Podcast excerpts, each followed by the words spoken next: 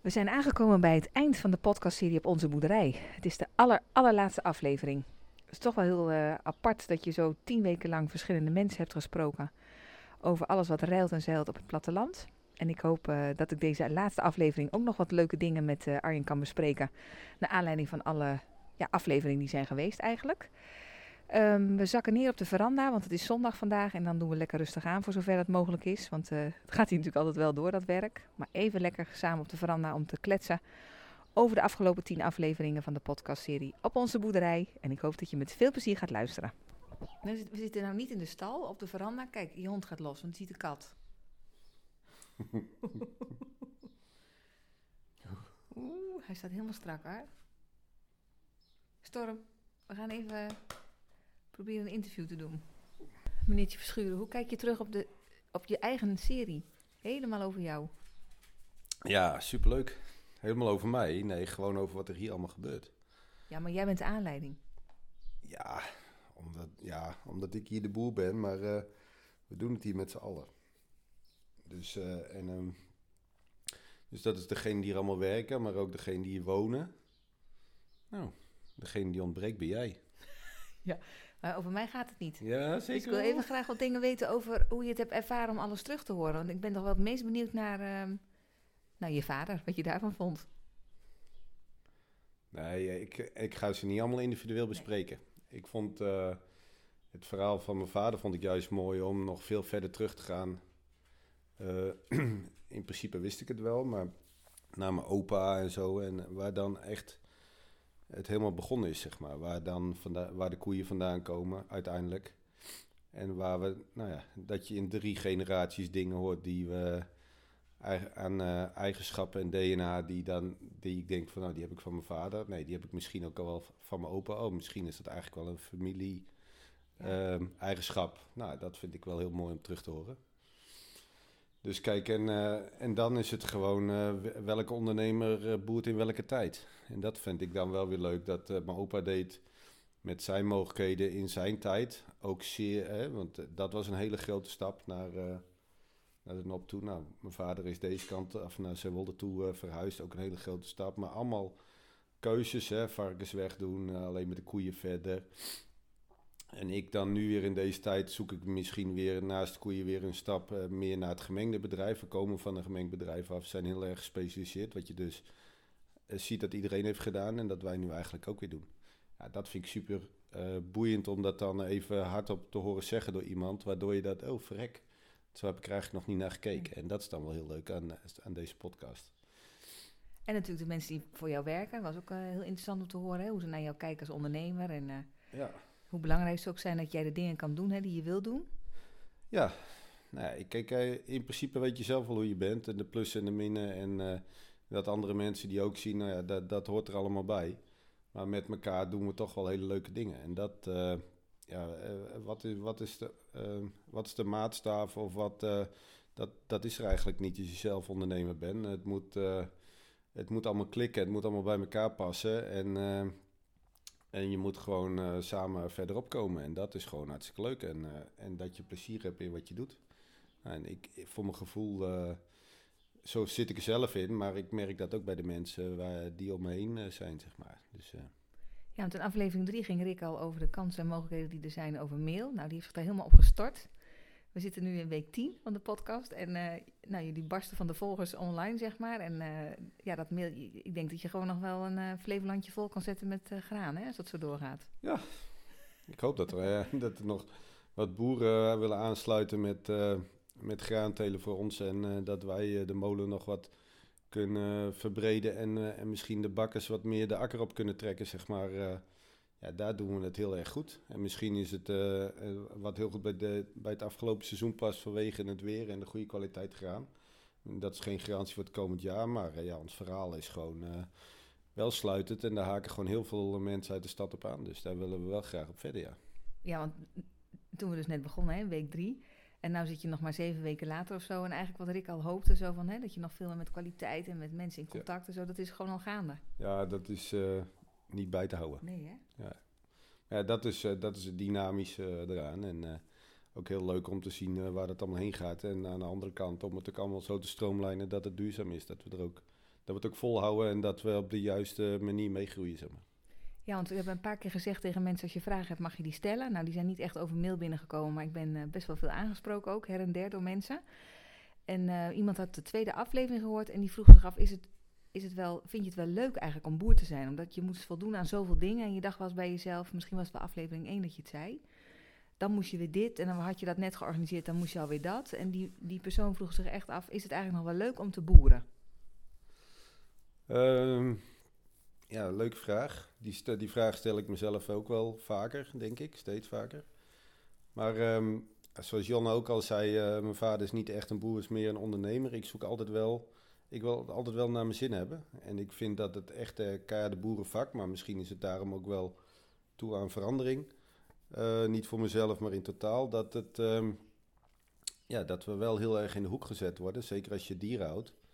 En uh, ook wel eens wat onterecht. Nou, daar heb ik wel uh, het oordelen, ook in een snelle wereld met, uh, met mobieltjes, met, met, met hele snelle dingen en mensen met een mening. Dan is dat, komt dat allemaal heel erg op je af en voel ik niet zo heel veel waardering. En dat is, dat is wel eens moeilijk om dan de schik te houden. En nou ja, goed, wij zoeken daarin dus weer de volgende stap en zijn graag in contact, we willen graag mensen erbij houden. Het laten meebeleven, zeg maar. En daarom doen we misschien de podcast ook wel voor een deel. Maar uh, ja, dat vind ik wel moeilijk aan. Eh, wil ik wel eens boer zijn? Ik denk ook wel eens van, zak allemaal maar, ik ga lekker een baantje nemen. Maar ja, het gras is altijd groener bij de buren, hè? zullen we maar zeggen. Nou, wij hebben ook mooi genoeg gras, jongen. Zo is het. Opa, opa maait het elke week, dus ons gezonnetje.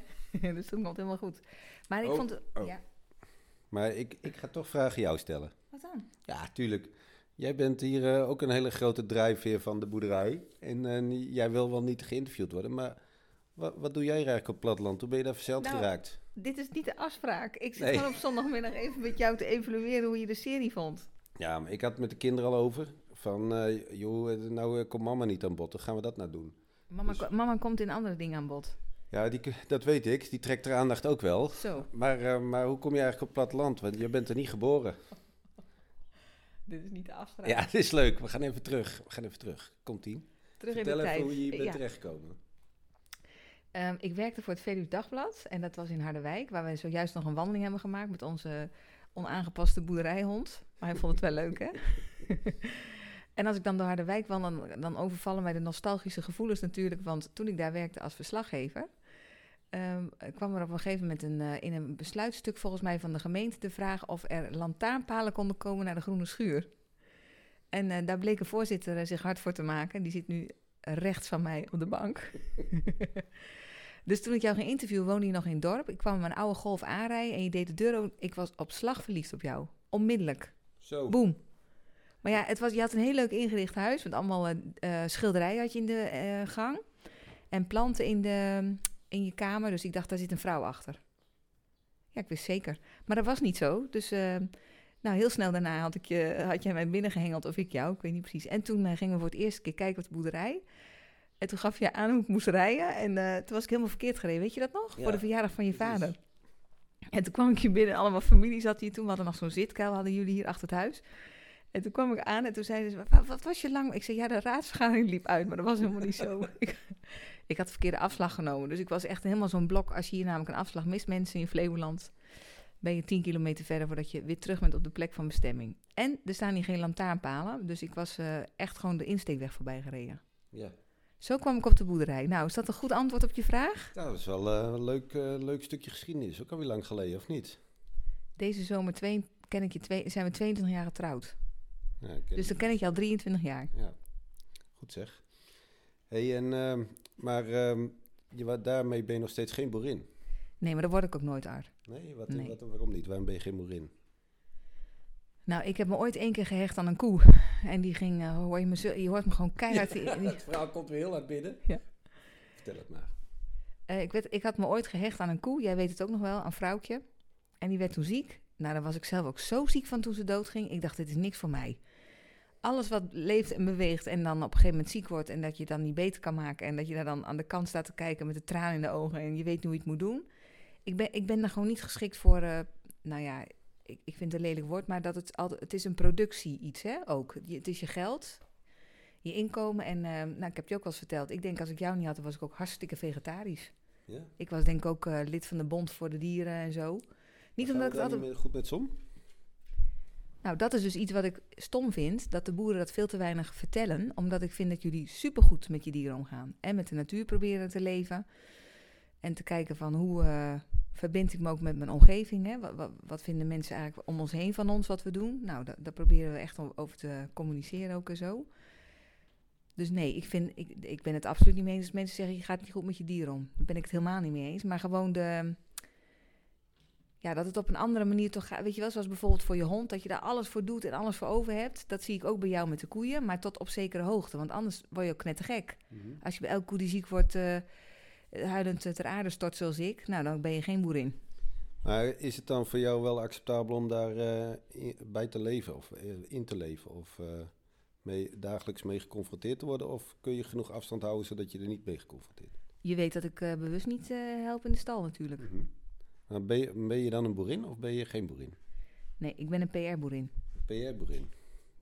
En wat is dat? Nou, ik, ik probeer alle goede dingen die de boeren doen voor de bühne te brengen. Daar zijn ze wel beter in geworden in de afgelopen jaren. Want ik heb natuurlijk heel veel lezingen gegeven dat mensen echt nog dachten dat eh Milka koe bestond. Hè?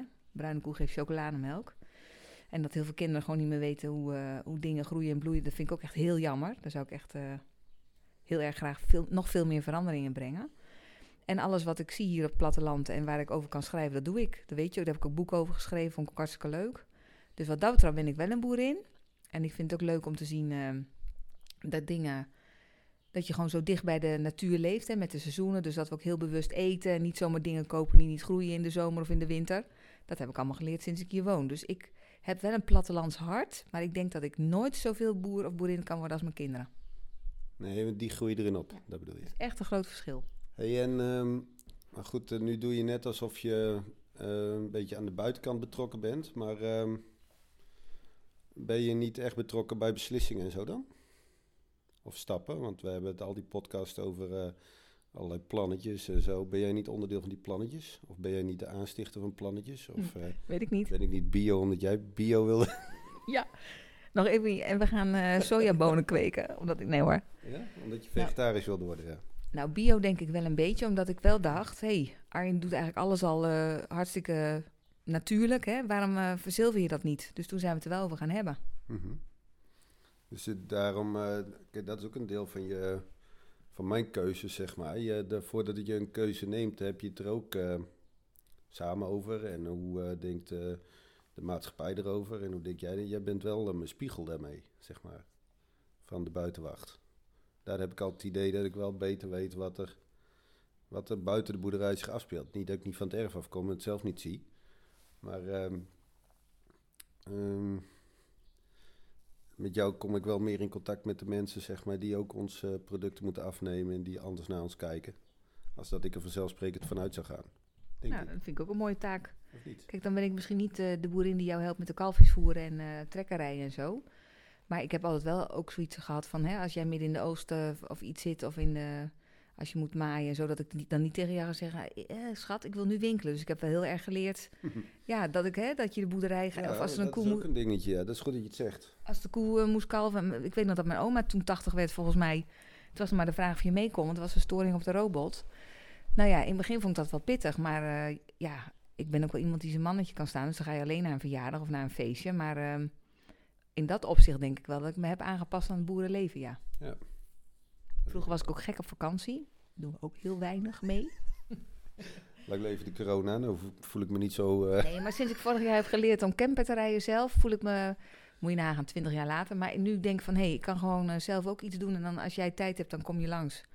En zo niet, dan niet. Maar we zijn natuurlijk ook wel, we hebben ook wel een paar reizen gemaakt dat ik dacht, ik ga het wel erdoor drukken. Want het is voor jou ook heel leuk om met de kinderen, dat we wel in Londen zijn geweest bijvoorbeeld. Ja, nou, zeker. Helemaal waar. Hey, en, ehm, en je vraagt altijd eh, naar die plannen op Schokland en zo. eh, hoe kijk je er zelf tegenaan dan? Zie je daar wel meer een rol? Of is dat ook eh, een avontuur verder van hier? Want hier, hier waar we nu wonen, bij de koeien, zeg maar. Ja, of je het nou wil of niet, het is een onderdeel van het dagelijks leven, hè, zeven dagen in de week. Maar Schokland is toch meer op afstand. Is dat een baantje voor mij? Of zie je daar zelf ook nog wat... Ik vind heel erg dat ver weg is. Ja, hè?